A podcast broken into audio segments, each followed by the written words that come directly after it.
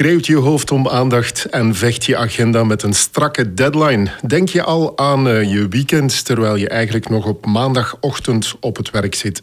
Dat is allemaal geen probleem. We herkennen en kennen het allemaal. Wees gerust, hulp is onderweg in de vorm van deze podcast.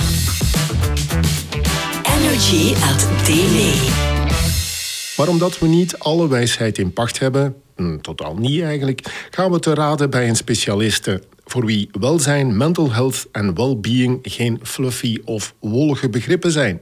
Ze is schrijfster van het inspirerende boek Minder werken, meer doen. Dag Anneleen de Lille. Hallo, dag Jurgen. Hoe is het in het algemeen met onze mentale gezondheid?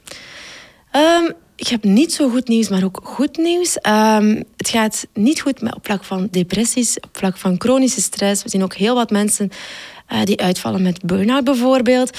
Maar wat ik wel merk, uh, is, ik werk dagelijks in bedrijven rond die thema's, is dat het wel veel bespreekbaarder geworden is. En dat mensen veel sneller die signalen oppikken en daarover durven praten met elkaar, waardoor dat wij daar ook iets aan kunnen doen en hen kunnen helpen met tips uh, die we vandaag ook zullen meegeven.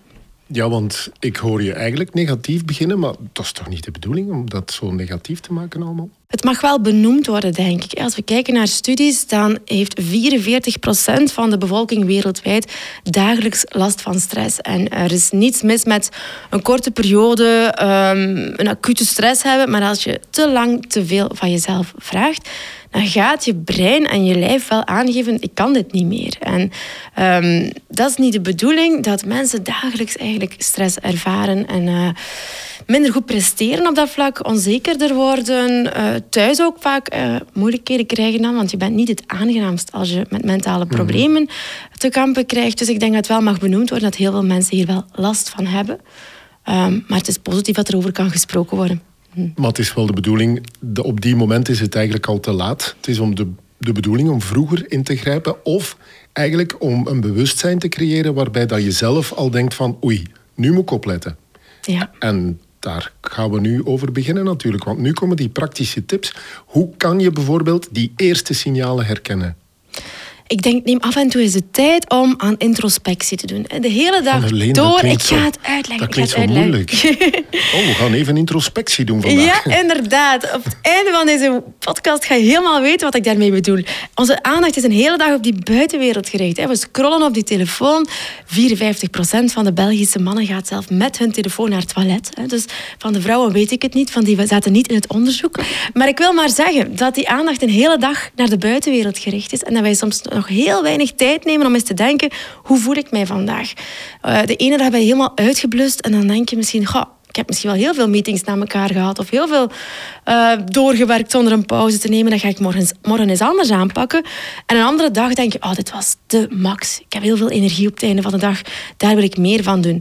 Maar die kleine reflectiemomentjes, uh, waarbij dat je daar eens over nadenkt, die vergaan omdat wij eigenlijk de hele tijd die aandacht op telefoons en andere zaken gaan richten en niet meer op onszelf. Mhm. Dus, het is, dus het is vooral een bewustzijn dan? Ja, daar is bij stilstaan. Zeer attent zijn van dit zijn de signalen dat er iets aan het gebeuren is, namelijk ik ben te veel in mijn professionele rol.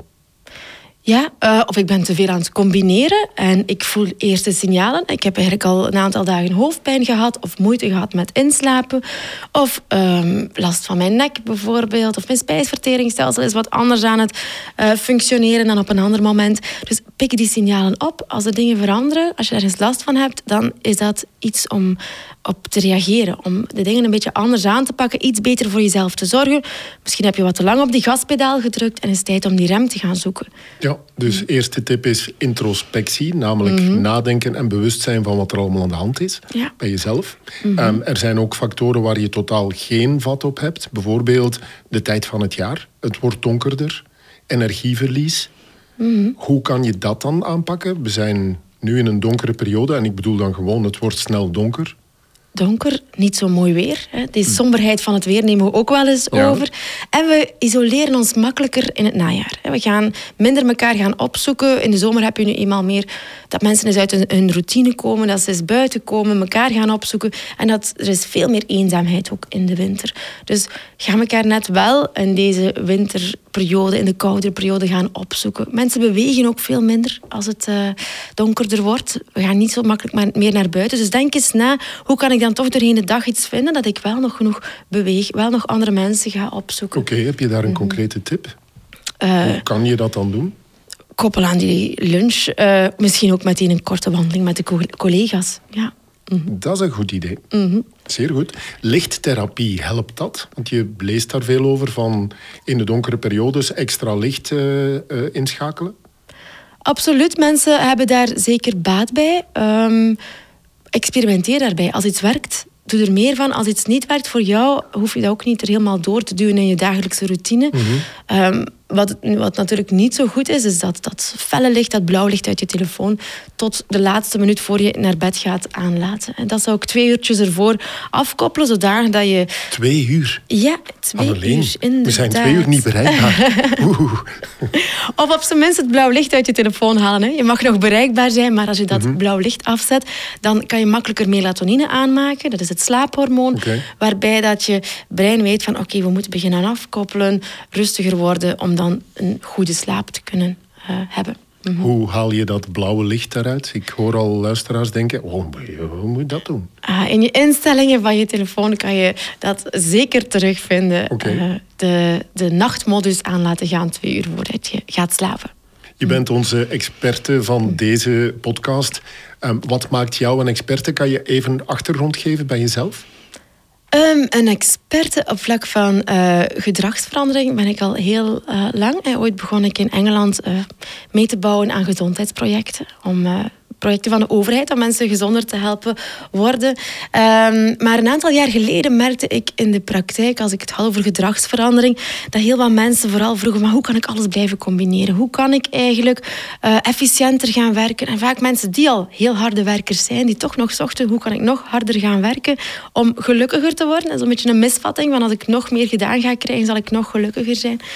Dus um, ik ben dan de literatuurstudie ingedoken. En niet alleen omdat mensen mij dat vroegen, maar ook omdat het voor mijzelf nuttig was. Uh, begin 2020 kwam ik te weten dat ik niet alleen zwanger was van een tweede kind, maar ook een derde.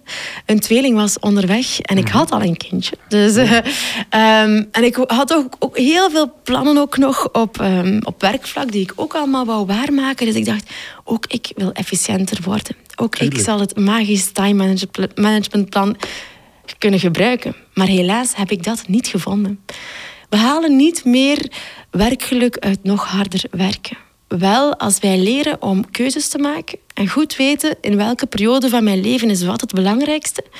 En ons ten volle kunnen inzetten voor een aantal dingen in ons leven. Niet van alles een beetje meepikken, want dan heb je altijd een onzeker gevoel en haal je niet veel voldoening uit die dagen. Maar als je weet, op dit moment kies ik voor die drie zaken die het allerbelangrijkste voor mij zijn. En daar zet je dan ook ten volle op in.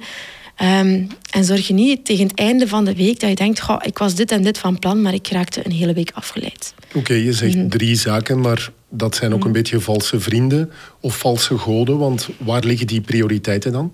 Ligt dat, is professioneel en het professionele, moet je dat volledig loskoppelen? Of zeg je, de kunst is eigenlijk om die twee door elkaar te laten lopen? En alle bordjes in de lucht te houden? Alle bordjes in de lucht zal niet lukken, maar het is wel goed om wekelijks eens op te sommen welke rollen heb ik eigenlijk allemaal. Welke domeinen zitten allemaal in mijn leven. Mijn gezin, mijn werk. Uh, zelfontwikkeling vind je misschien ook belangrijk. Gezondheid. Uh, de grotere familie, dat je ook wel eens af en toe wil bezoeken. Je vrienden. En dan denk je, misschien in een kolom ernaast schrijf je dan cijfers op een schaal van 1 tot 10. Hoe belangrijk zijn al die domeinen voor mij? En daarnaast schrijf je eens van hoeveel aandacht heb ik er werkelijk aan gegeven de afgelopen week. En dan ga je hier en daar een mismatch zien. Hier en, misschien vind je je gezin wel heel belangrijk en denk je, goh, die hebben we wel heel weinig gezien, of vooral gezien terwijl ik op mijn telefoon of mijn computer zat. En dan bedenk je eens, kijk, de komende week ga ik die drie dingen voorop schuiven. Volgende week, bij mij deze week bijvoorbeeld, en vorige week heb ik heel weinig geslapen, omdat de kinderen niet wouden slapen. Um, zij waren ziek. Maar deze week staat gezondheid bovenaan. Dus ik heb een aantal afspraken met vrienden verzet, omdat ik dacht, deze week wil ik vooral op tijd in mijn bed zitten. Zo kan ik het volgen. Dus gezondheid bovenaan, werk ook. Het is nu eenmaal een drukke week en ik moet de opdrachten nemen wanneer dat ze komen. En daaronder ehm, staat dan op, op dit moment ehm, ehm, ook sport en mijn beweging. Dat vind ik ook heel belangrijk. Het hoeft niet elke week hetzelfde te zijn, maar het leven is een beetje zoals een buffet. En als jij al die activiteiten die je kan kan doen, vergelijkt met die gerechtjes op dat buffet, dan passeer je daar langs en stel je je niet altijd de juiste vraag. Dan stel je de vraag, heb ik daar zin in? En als je graag eet, dan denk je, oh ja, die scampi, dat lust ik wel. En dat vlees lust ik ook. En die pasta lust ik ook. En die frietjes ook. En je legt het allemaal op een bord. En als je daarmee naar tafel komt, denk je, als dat uit de keuken kwam, je stuurt het terug. Het is niet meer lekker. Het is van alles een beetje, maar je hebt nergens ten volle van kunnen genieten. De juiste vraag om je te stellen is: welk gerecht verdient hier nu het meest om op mijn bord te liggen? Mhm. Welke activiteit verdient nu het meest om mijn aandacht te krijgen op dit moment? Waar ga ik het meeste voldoening uithalen op lange termijn? En op die manier maak je keuzes en zet je sommige dingen even opzij, waardoor je wel voldoening haalt uit die dagen ik voel eigenlijk een paar spanningsbogen komen. Mhm. Namelijk mensen die zeggen van, ik zou dat allemaal wel willen. Ik zou eigenlijk me-time willen en ik zou mijn prioriteiten bovenaan willen zeggen, zetten. Maar ik heb zoveel rollen en ik heb daar geen tijd voor om te gaan sporten, om aan mezelf te denken. Hoe bepaal je dan, ik ga nu right up your alley. Waar zit jouw nee-moment dan? Van dit doe ik niet meer, hier stop ik mee en sorry, nu is het aan mij. Hoe, hoe, hoe haal je dat naar boven? Ik, ik, uh, ga eens reageren op wat je zei. Het is waar, heel veel is al bepaald. Hè. Heel veel kan je al niets meer aan veranderen. Dan is het net extra belangrijk om te denken... wat kan ik met die weinige tijd waar ik wel invloed op heb... nog gaan doen? Want als je dat niet zelf gaat bepalen... gaan anderen dat ook nog voor jou bepalen. Dus ga, aanvaard dat, dat je niet kan veranderen... en zeg je, dit ligt al vast... en beslis dan, wat ga ik doen met dat klein stukje dat nog overschiet? Waar ga ik nu zelf het meest voldoening uithalen? Ehm, Heb je daar praktische tips? Want dat lijkt me echt wel moeilijk. Om nee te kunnen zeggen tegen je kinderen, je man, je vrienden, je werk. Ja. Oeh, zo moeilijk niemand heeft slechte intenties. Hè. Niemand denkt uh, van, goh, ik wil die eigenlijk eens uh, opbranden deze week. Ik ga ervoor zorgen dat hij helemaal leegloopt van energie. Maar ze hebben wel soms wat context nodig. Hè. Er staat geen scherm op je hoofd met low battery. Um, of uh, het is even te veel op dit moment. of genoeg gezorgd voor andere mensen. Dus het is wel belangrijk dat je ze meeneemt en kijk, dit is wat ik op dit moment observeer. Zo loopt het op dit moment in mijn leven. Um, dan vertel je ook je gevoel, hè, want dat, ook dat kan je niet zomaar aflezen van iemand. Um, dus zo voel ik mij op dit moment en hier heb ik nood aan. Je, je deelt ook die behoefte op dat moment. En dan, om dan een verzoek te zijn. Kunnen we een andere oplossing vinden? Ga je ermee akkoord dat ik hier nu even tijd voor maak? En de meeste mensen, als die meegenomen worden in jouw verhaal, gaan die daar ook begrip voor opbrengen.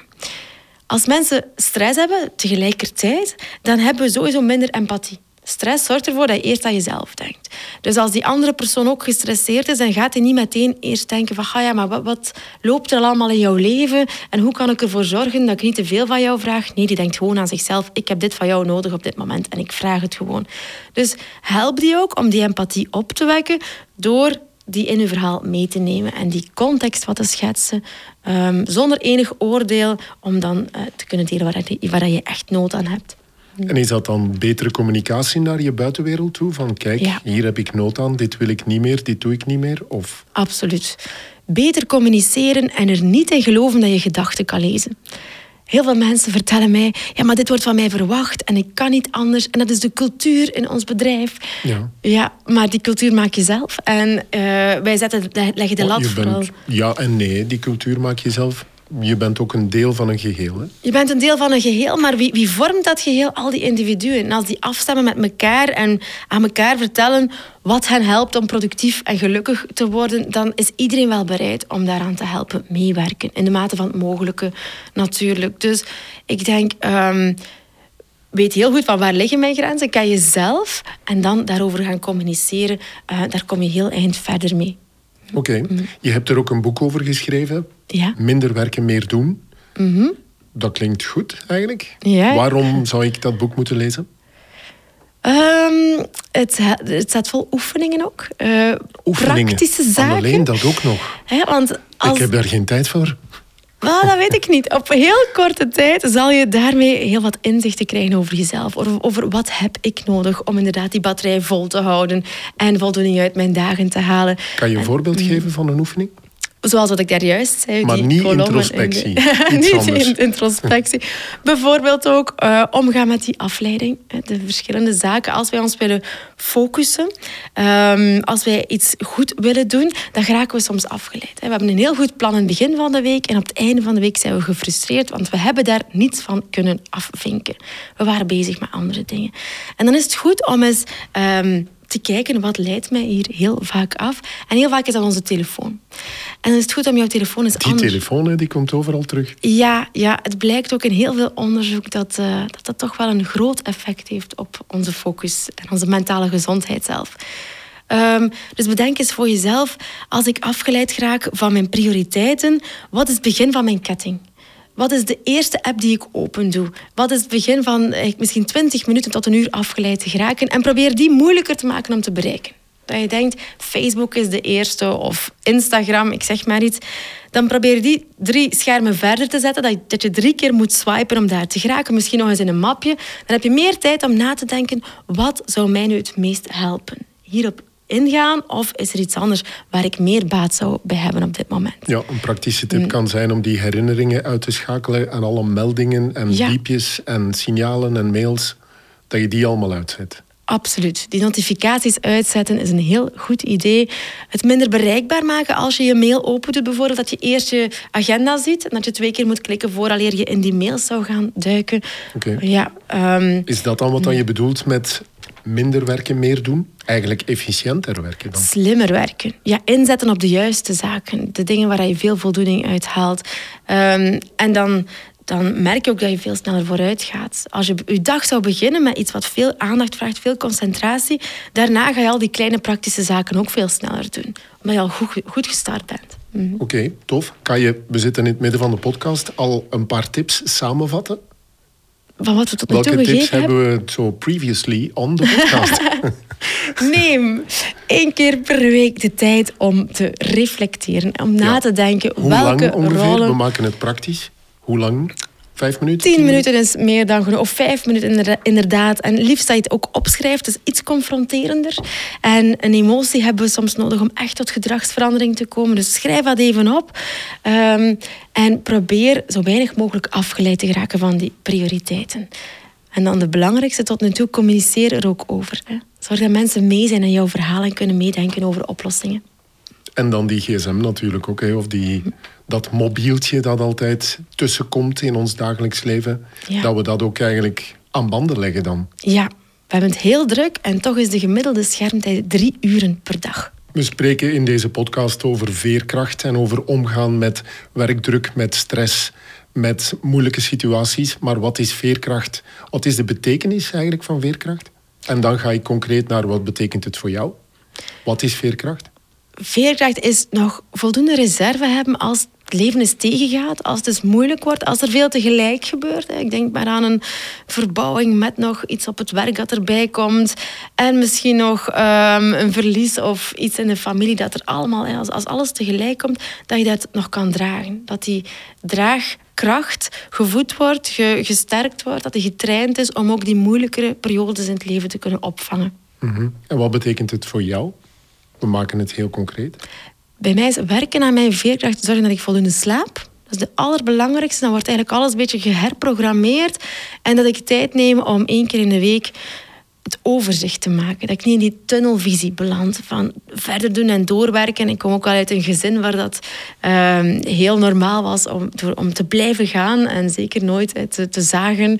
Eh, dus ik, ik, ik ben ook wel ehm, gevoelig daarvoor om, om keihard te werken zonder af en toe eens het overzicht te gaan eh, nemen. Oké, ik pik een van jouw tips ehm, eruit, namelijk genoeg slapen. Ja. Ehm, we zitten eh, bij DME met ehm, werkman, we zitten met staf, we zitten met mensen op kantoor, maar ook mensen op schepen, die Ja. eigenlijk in een eh, isolement, kan ik niet zeggen, maar die wegzitten van familie en van vrienden. Ja. Heb je daar concrete praktische tips voor om daar die veerkracht te boosten, om met heel uitdagende situaties om te gaan?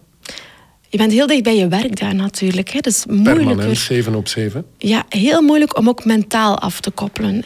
Fysiek kan je misschien wel terugtrekken naar, naar je, je kamer of, of waar je uh, rust. Maar het mentaal ook afkoppelen is heel moeilijk. En dan is het goed om een ritueel te hebben waarmee je altijd weer je werk afsluit. Dat je denkt, uh, ik leg die muziek op. Muziek is iets waarop, waarop je brein heel rap zal reageren.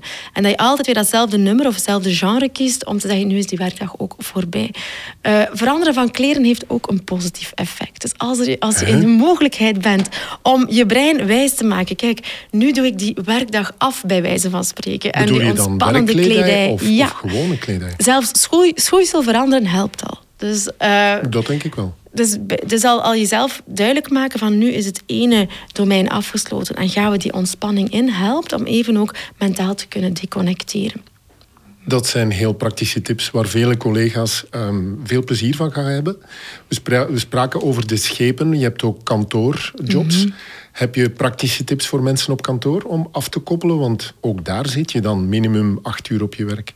Absoluut. En niet alleen afkoppelen op het einde van de dag, maar ook doorheen de dag af en toe. Mensen halen heel veel um, veerkracht en, en zelfproductiviteit door af en toe doorheen de dag even weg te komen van dat werk. Af te spreken met de collega's als je een lunchpauze neemt, dat het niet de zoveelste meeting van de dag wordt bijvoorbeeld. Praat eens over andere zaken dan het werk op dat moment. Ga eens buiten, buiten komen, dat heeft een heel positief effect op ons mentaal welzijn. Uh, dus zoek dat licht op overdag, ga eens gaan wandelen overdag. Um, zorg dat je die, die momentjes hebt dat je het werk even afsluit en daarna zal je des te productiever zijn.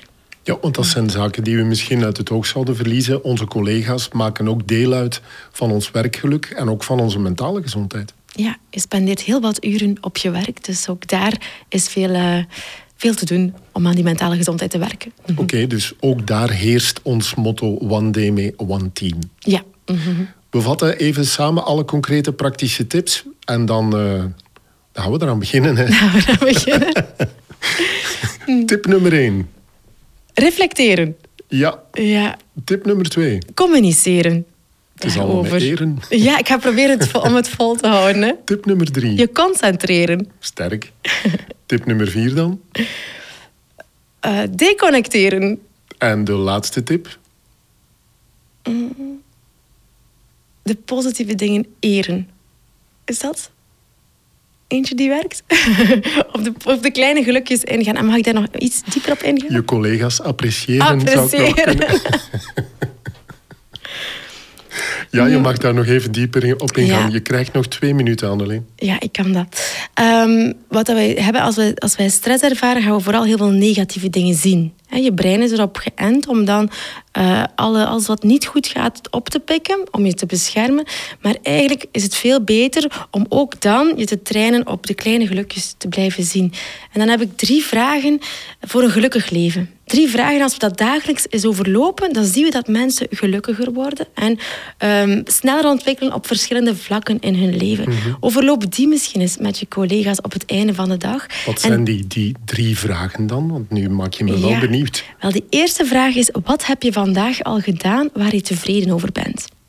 Die tweede is: wat heeft iemand anders voor jou al gedaan wat je leuk vond en heb je het laten weten aan die persoon?